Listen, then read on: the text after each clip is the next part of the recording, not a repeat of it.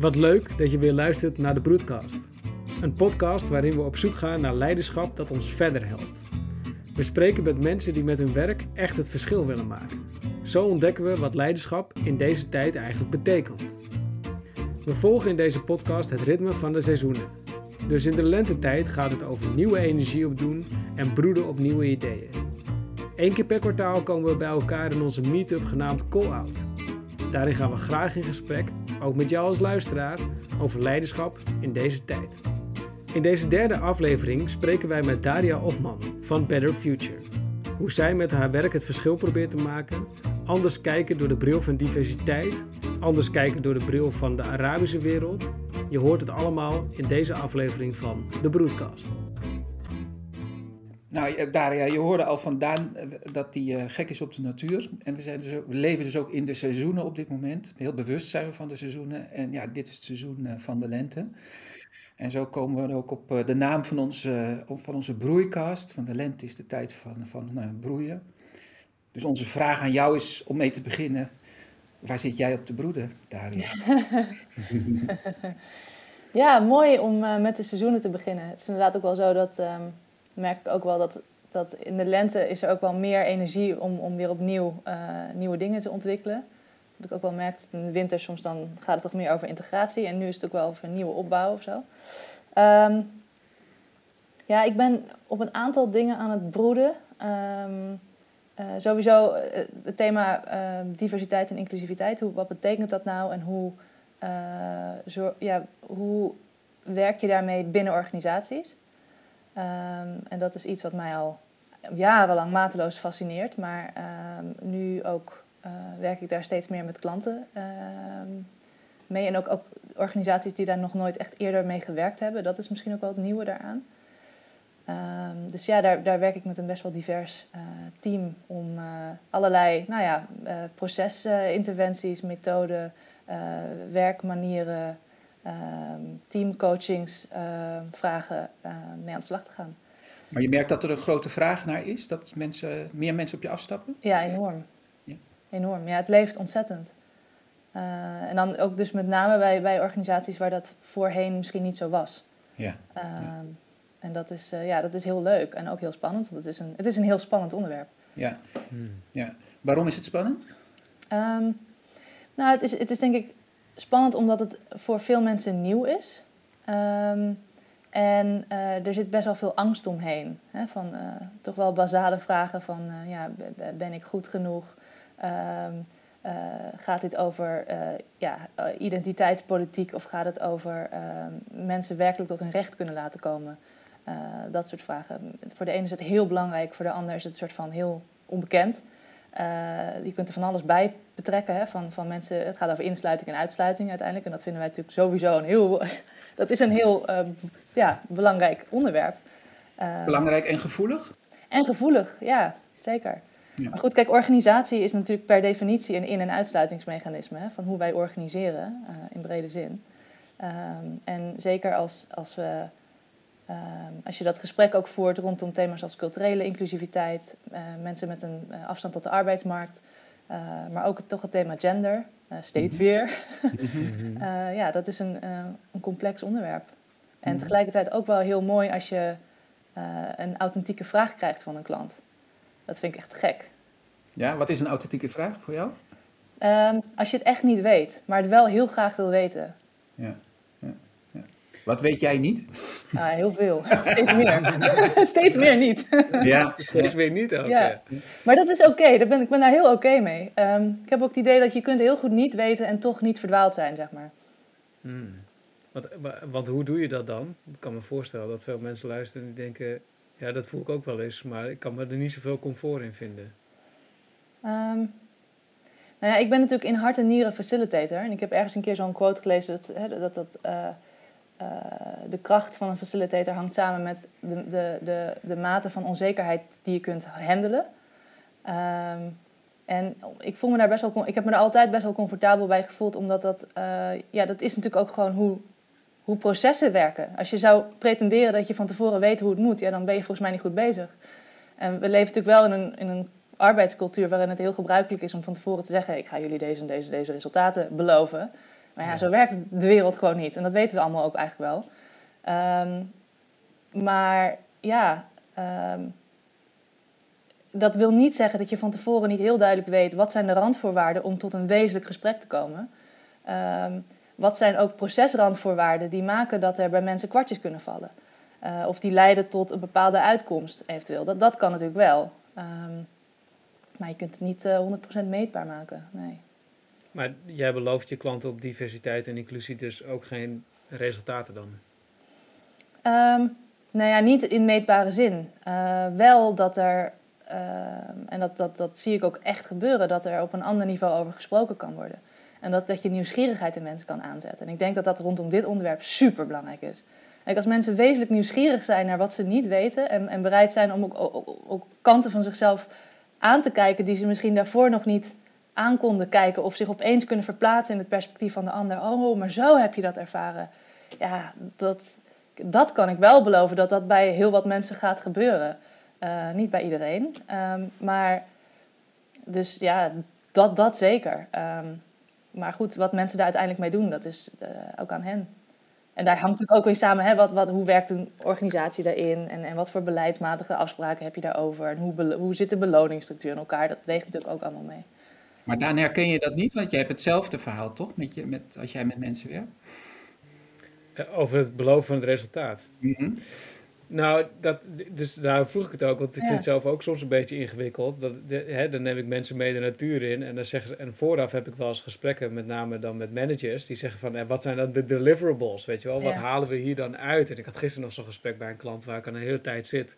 En die zijn nu een andere koers aan het inslaan. En die zeggen, het moet heel duidelijk worden wat, wat je aan ons gaat opleveren. En ik vind het uh, lastig daaraan dat je dan uh, wel tegen mensen kunt zeggen, joh, mensen gaan beter naar elkaar luisteren. En ook Daria, wat ik jou net hoor zeggen, hè, we gaan nieuwsgierigheid aanwakkeren. En ik, denk, ik word dan gelijk enthousiast, want ik denk, oh, tof, en hoe doe je dat dan?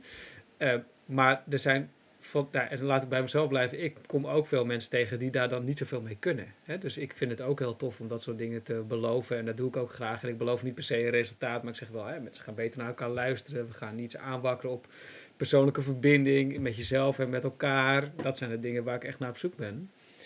Uh, maar dat, dat is niet altijd verkoopbaar. Want hoe doe jij dat dan?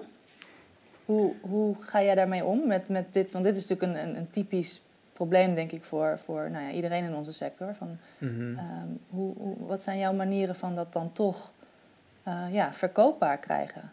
Ja, nou, de één is uh, het ook laten zien. Dus mensen op basis van mijn eigen authenticiteit en de, met dat enthousiasme waar ik over de natuur kan vertellen, daar stappen mensen soms ook gewoon op in. En dat ze denken, oké, okay, Daan, we weten niet precies wat we gaan doen, maar jij bent er al zo enthousiast over. ik ga wel een keertje met je mee. Hè? Dus ja. uh, uh, daar zit wel een soort van dieper vertrouwen in. Um, en de ander is ook door anderen voor mij te laten werken. En daar bedoel ik mee, de ik heb ondertussen zo vaak mensen meegenomen naar het bos... dat ik ook verhalen van andere mensen zeg maar, kan inzetten om... Nou, Aard is ook een keer met mij mee geweest. um, om uh, hen ook te laten vertellen, ook in de vorm van testimonials... van wat haal je er dan uit? Want dan is het niet alleen maar... dan krijgt het ook andere taal. Hè? Dus, want dan is het niet alleen maar mijn vocabulaire... maar ook, uh, ook van andere mensen. Maar je bent mensen ook aan het overtuigen op de een of andere manier... door ja, door jouw intentie volgens mij. Dus jij, jij wil ook wat met ze.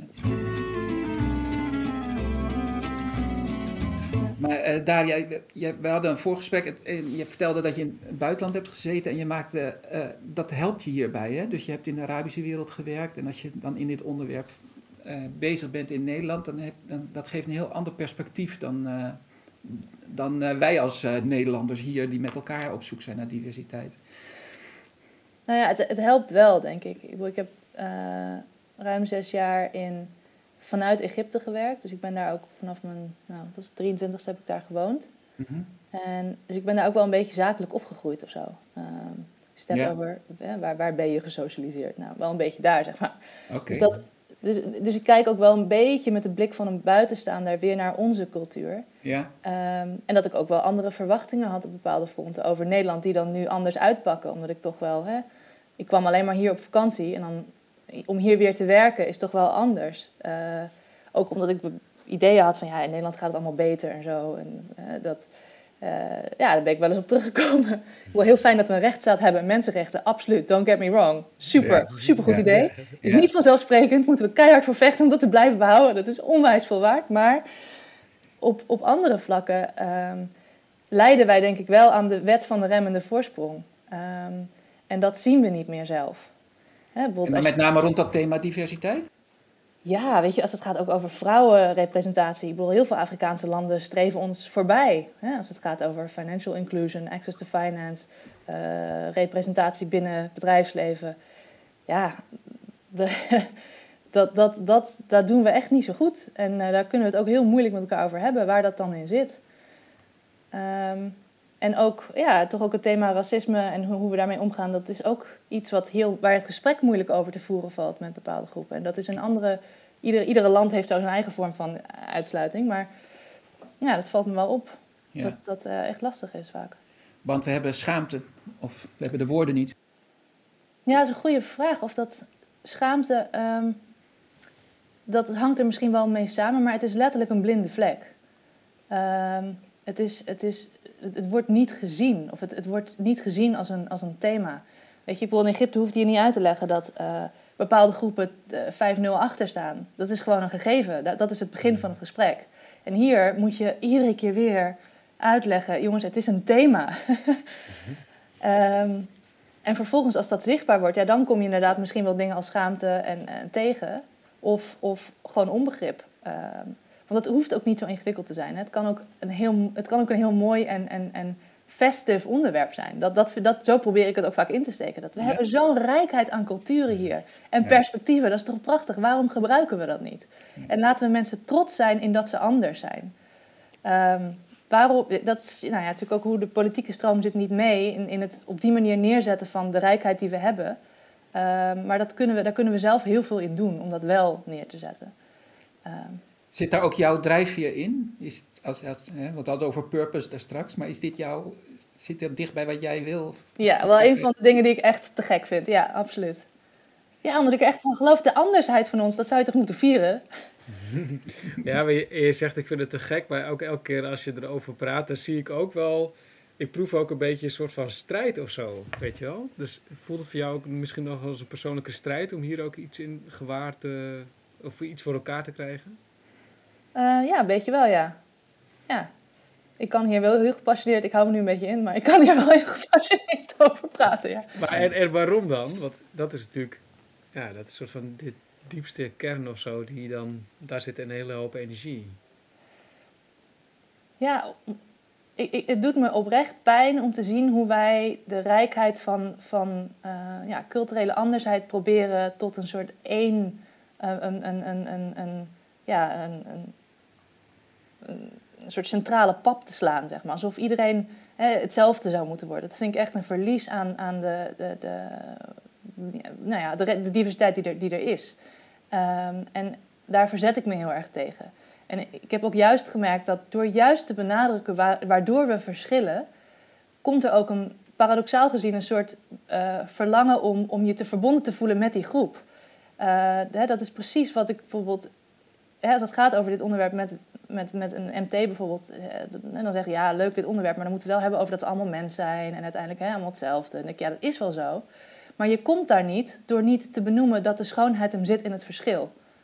Ehm, en dat mensen trots mogen zijn over dat ze eh, een andere culturele, eh, andere culturele feesten vieren. Of ehm, een, een andere godsdienst geloven. En dat ze daar andere ideeën op nahouden. En dat dat onderdeel is van wie ze zijn. En dat we, daar, eh, dat we dat met elkaar over kunnen hebben vanuit dat perspectief. En dat creëert juist verbinding op die gedeelde menselijkheid, grappig genoeg. Maar je moet even komen via een detour, zeg maar. Ja. En daar zeg je, hebben in Nederland eh, echt wat te ontwikkelen. En daar, heb jij iets, en daar heb jij iets te brengen met, jou, met jouw persoonlijkheid, met jouw achtergrond. Ja, het is zo gegroeid eigenlijk, ja. Ja, ja maar ik moet ook wel zeggen, ik ben ook wel getrouwd met iemand die daar ook vandaan komt, dus dat helpt. Dus ik word daar dagelijks, iedere ochtend hebben we het daarover. Dus het staat wel voor mij ook heel dichtbij, maar ja. ja.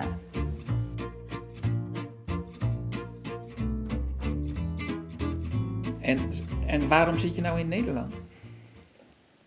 Ehm, Ja, ja, juist denk ik ook omdat ik het idee heb dat we hier heel veel in te doen hebben. En dat ik, dat ik hier ook iets in te doen heb. En dat het hier ook nodig is. Ehm, eh, en ook dat, nou ja, na zes jaar in Egypte, het, het is gewoon een heel heftige situatie om in te zijn. Ik merkte ook dat ik op een gegeven moment moe was. En merkte, ik ben nu te moe om echt volledig bij te kunnen dragen. Hm. Dus ik ga daar heus wel weer in collaboratie samenwerken. Maar ik moet, ja, Nederland is voor mij ook wel, daarom zei ik net, die rechtsstaat is iets wat ontzettend belangrijk is. En ehm, wat ik ook wel zie, hoe belangrijk het is om eh, je vrijelijk te kunnen uitspreken zonder angst voor vervolging. Uh, dat is ongelooflijk veel waard. En dat realiseren we ons denk ik ook niet voldoende. Nee, nee, nee, snap ik. Maar in zo'n situatie zat jij ook, ook in een beangstigende situatie? Uh, nou, ik niet, maar mijn partner wel. Uh, ja. Veel vrienden om me heen. Het zijn natuurlijk allemaal mensen die politieke mening hebben. En dat moet je vooral niet ja. roepen, zeg maar. Ja, ja. ja helder. Ja. En, en wat trekt dan nog wel aan Egypte? Want je zegt van, ja, ik wil daar nog wel naartoe. En volgens mij ben je er ook af en toe nog actief. Hè? Dat beschreef je net ook even. Dus wat, wat trekt er dan zo aan? Um, nou, de, bijvoorbeeld de, de omgang met chaos. Um, uh, en hoe er, je hebt altijd een plan A, B, C, D, E, F. Maar je hebt heel veel plannen. Um, omdat er ook heel vaak plannen sneuvelen. dat vind ik een bepaalde manier. Dat is een andere vorm van vrijheid, grappig genoeg, die we hier niet zo hebben. Uh, het vermogen om te improviseren. het vermogen om in te spelen op wat er nu is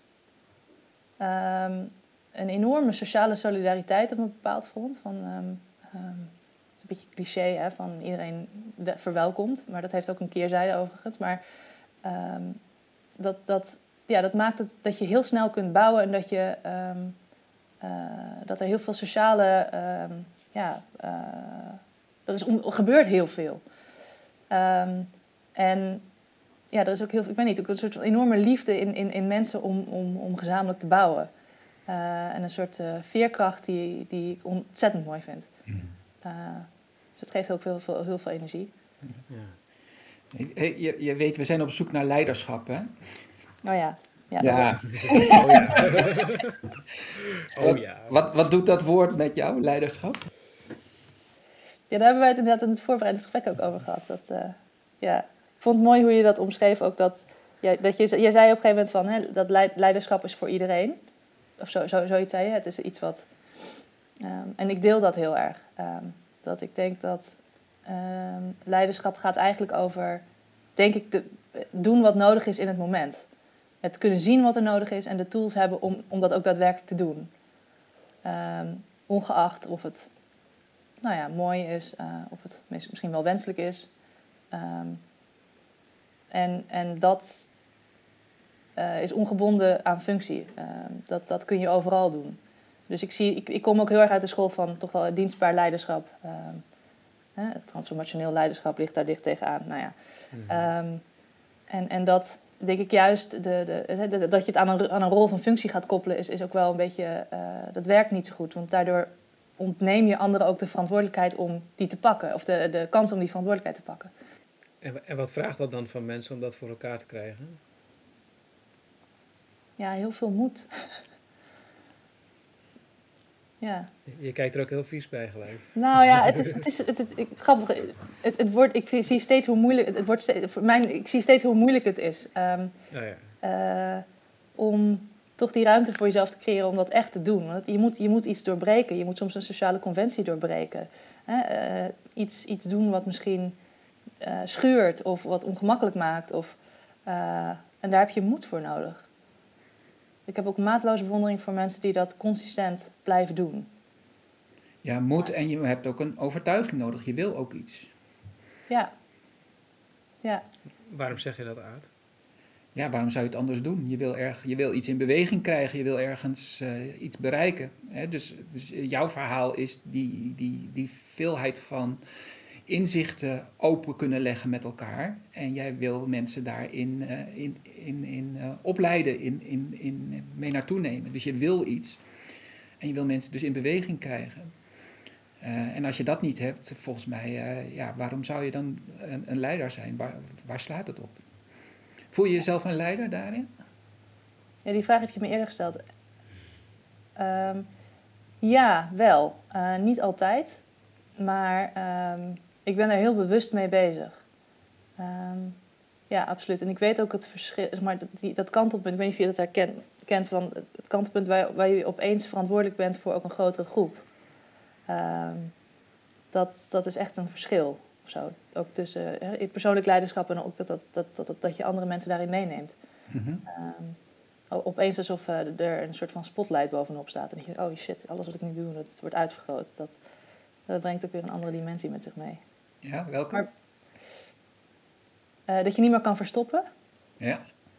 Zo'n soort, uh, je kunt niet meer net doen alsof je het niet, alsof je het niet ziet of zo. Dan moet, moet je het echt gaan doen of zo. dan ja, gaat er ja. mij ook heel erg die knop aan van, oh, ben ik wel congruent en zo. En, uh, dat, dat, daar word ik dan heel bewust van. Ja. ja. Maar wat is dat voor jou? Hoe zou jij dat omschrijven? Dit gevoel van leiderschap? Ja?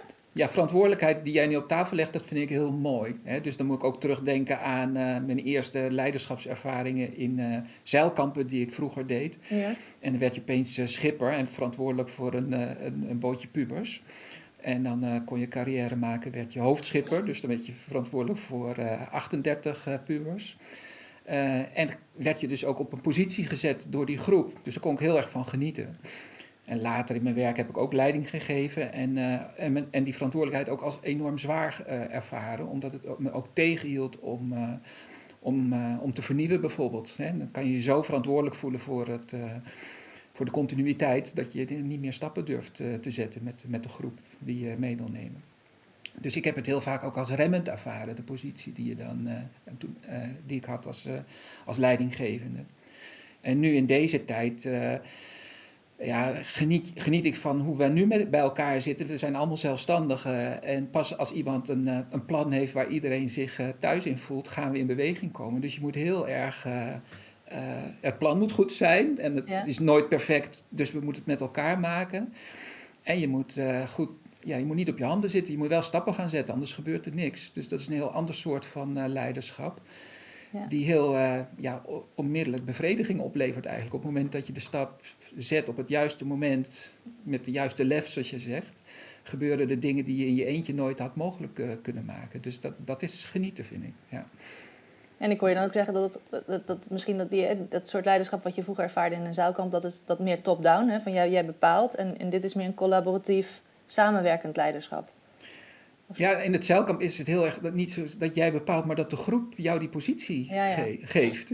En dat je daarin toe gaat verhouden. En terwijl je achter je oor kan krabben van, ja, wat doet dit eigenlijk met me? En is het wel goed voor de rest? Ik denk dat er nog steeds heel veel gebeurt in organisaties. Dat, dat degene die dan de CEO is eigenlijk een heel andere rol wil spelen dan dat de organisatie hem uh, geeft. We zetten mensen maar op de Olympus. Ja. Maar, maar denk je dat mensen in een organisatie een leider kunnen zijn als ze niet op zo'n positie staan? Ja, dat denk ik. En, en de tweede vraag die er voor heel veel mensen achteraan komt is denken, en hoe bestuur je de tent dan? Want... Ja. ja.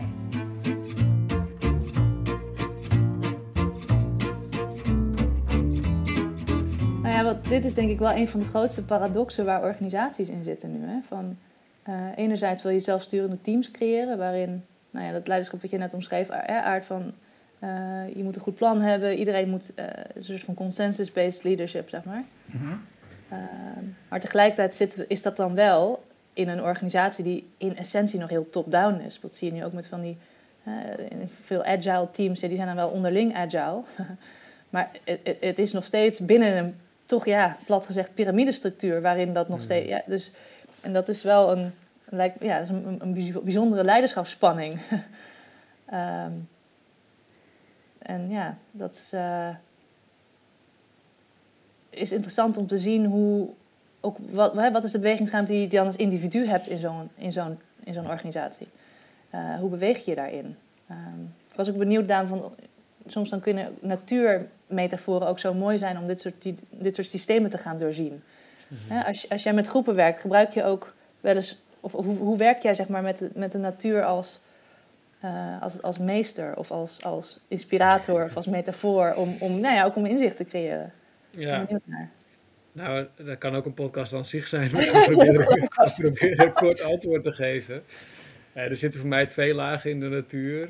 Ehm, de een is het metaforische natuurlijk. Door naar de natuur te kijken kun je heel veel zien wat er ook op jezelf betrekking heeft. En ik vind het met name mooi als je, als je organisaties of teams uit de organisaties meeneemt naar de natuur. Ik had deze week toevallig nog een groep die moesten dan een filmpje maken van zichzelf. Van wie zij, als wij natuurdocumentaire moeten maken over onszelf, wat doen we dan?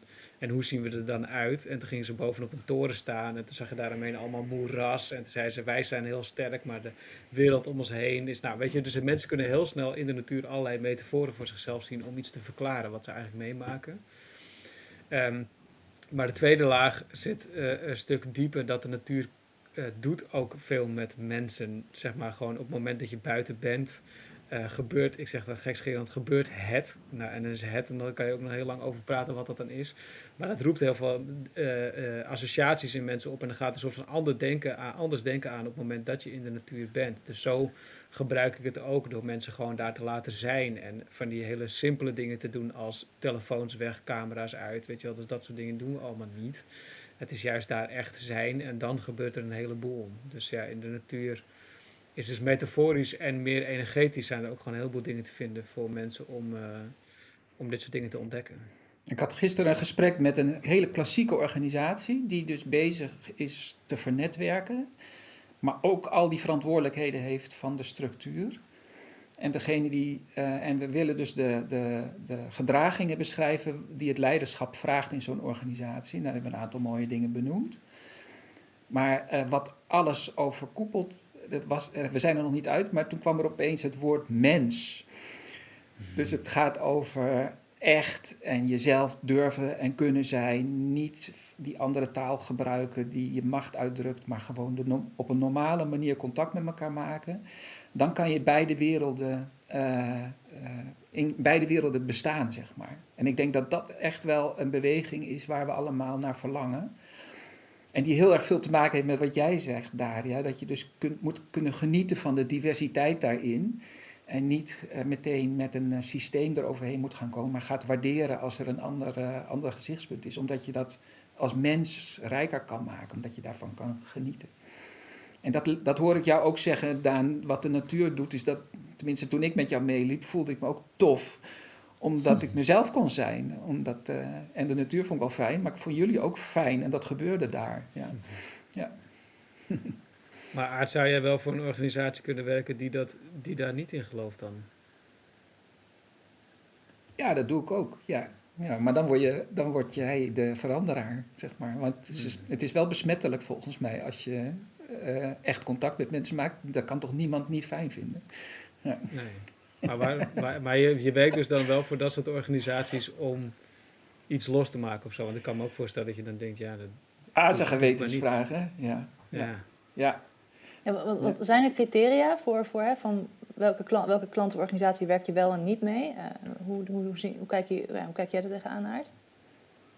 Ja, die zijn er, maar ik ben ook opportunist. Uh, en het wordt steeds duidelijker.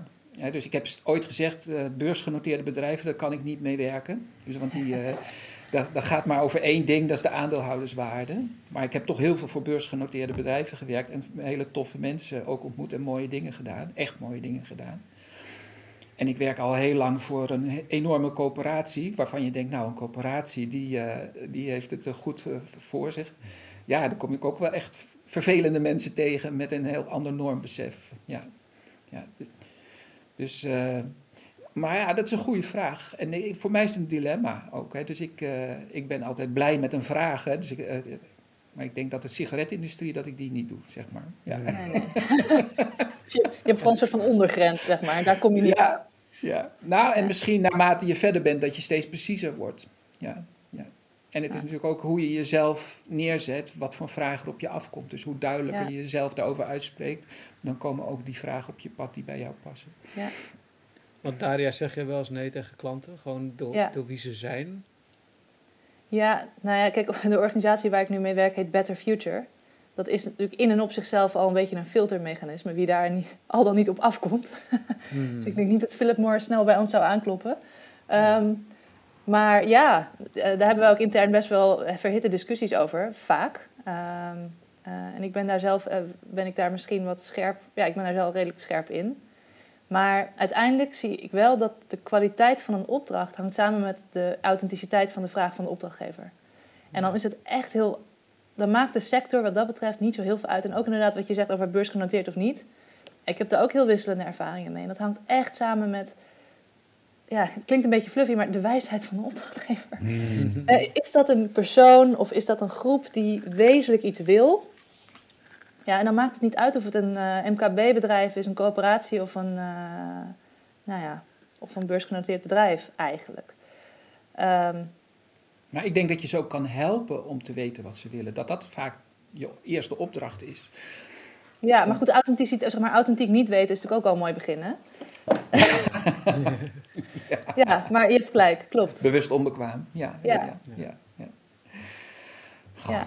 Goed, ik heb natuurlijk wel, ik heb wel droomklanten hoor. Ik bedoel, het is natuurlijk ook wel dat je bedenkt van bepaalde sectoren, dat vind ik te gek om in te werken. Dus dat, dat, is, dat is absoluut wel zo. Maar ehm, Maar dus niet toevallig. Nee, nee, ja, nee, en ook wat jij zegt, ik geloof er ook wel echt in hoor. Dat, dat, bepaal, dat je bepaalde opdrachten vindt of dat bepaalde vragen jou vinden. eh, afhankelijk van wat je naar buiten gooit. Ja. Ja. Ja. Nou ja, dat doen we hier ook. Hè. Zoveel mogelijk naar buiten gooien waar we naar op zoek zijn, eh, Daan. Dus eh, kijken wat dat oplevert. ja, ja. Ja. oké, tof. ja, het is toch wel ook een beetje magisch. Ik, gisteren grappig, had ik een gesprek met een, eh, een, een jonge consultant die, waar ik nu wat meer mee samenwerk. Die ook zei van, heb je dan een strategie? En toen dacht ik, ja, een, een, hè, en dan een salesstrategie of zo. Dan denk ik, ja, als ik heel eerlijk ben, dan hebben alles wat echt strategie was, heeft niet gewerkt. Ehm, je kunt ook wel een soort richting hebben hè, en een, een horizon. Maar uiteindelijk is het een combinatie, denk ik, toch een combinatie van helder zijn in, in waar je voor te vinden bent. En ehm, eh, ja, welk netwerk je toevallig, welke, welke mensen ken je.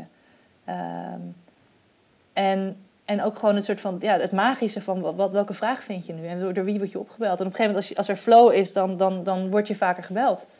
Ehm, of dan rol je ergens in door. Het is, ja, ik heb daar eigenlijk nooit echt een strategie in kunnen ontwaren. Maar dat, eh, eh, ja, zo, zo, zo zit ik in elkaar. Ja, maar niet zonder het heel duidelijk te zeggen ook steeds. Door, door, je, door je te laten zien in waar je, waar je voor, voor, voor staat. Klopt. Mijn moeder had eh, vroeger een, zo'n tegeltjeswijsheid op de, eh, waarop stond... Dat was een oude quote van Confucius. Volgens mij was het zoiets van... Man who stand on hill with mouth open... will wait long time for roast duck to drop in. Of zoiets. Ja, dat is ook waar. ja, dat is zeker. Ja, dat is ook waar. Ah, oké, tof. Dankjewel, Daria. Wat leuk dat je meeluisterde in onze zoektocht naar leiderschap in deze tijd. Vond je dit nou een leuke podcast? Vergeet hem dan niet te delen met vrienden, kennissen of collega's. Graag tot een volgende keer in de broadcast of in onze meetup Call Out.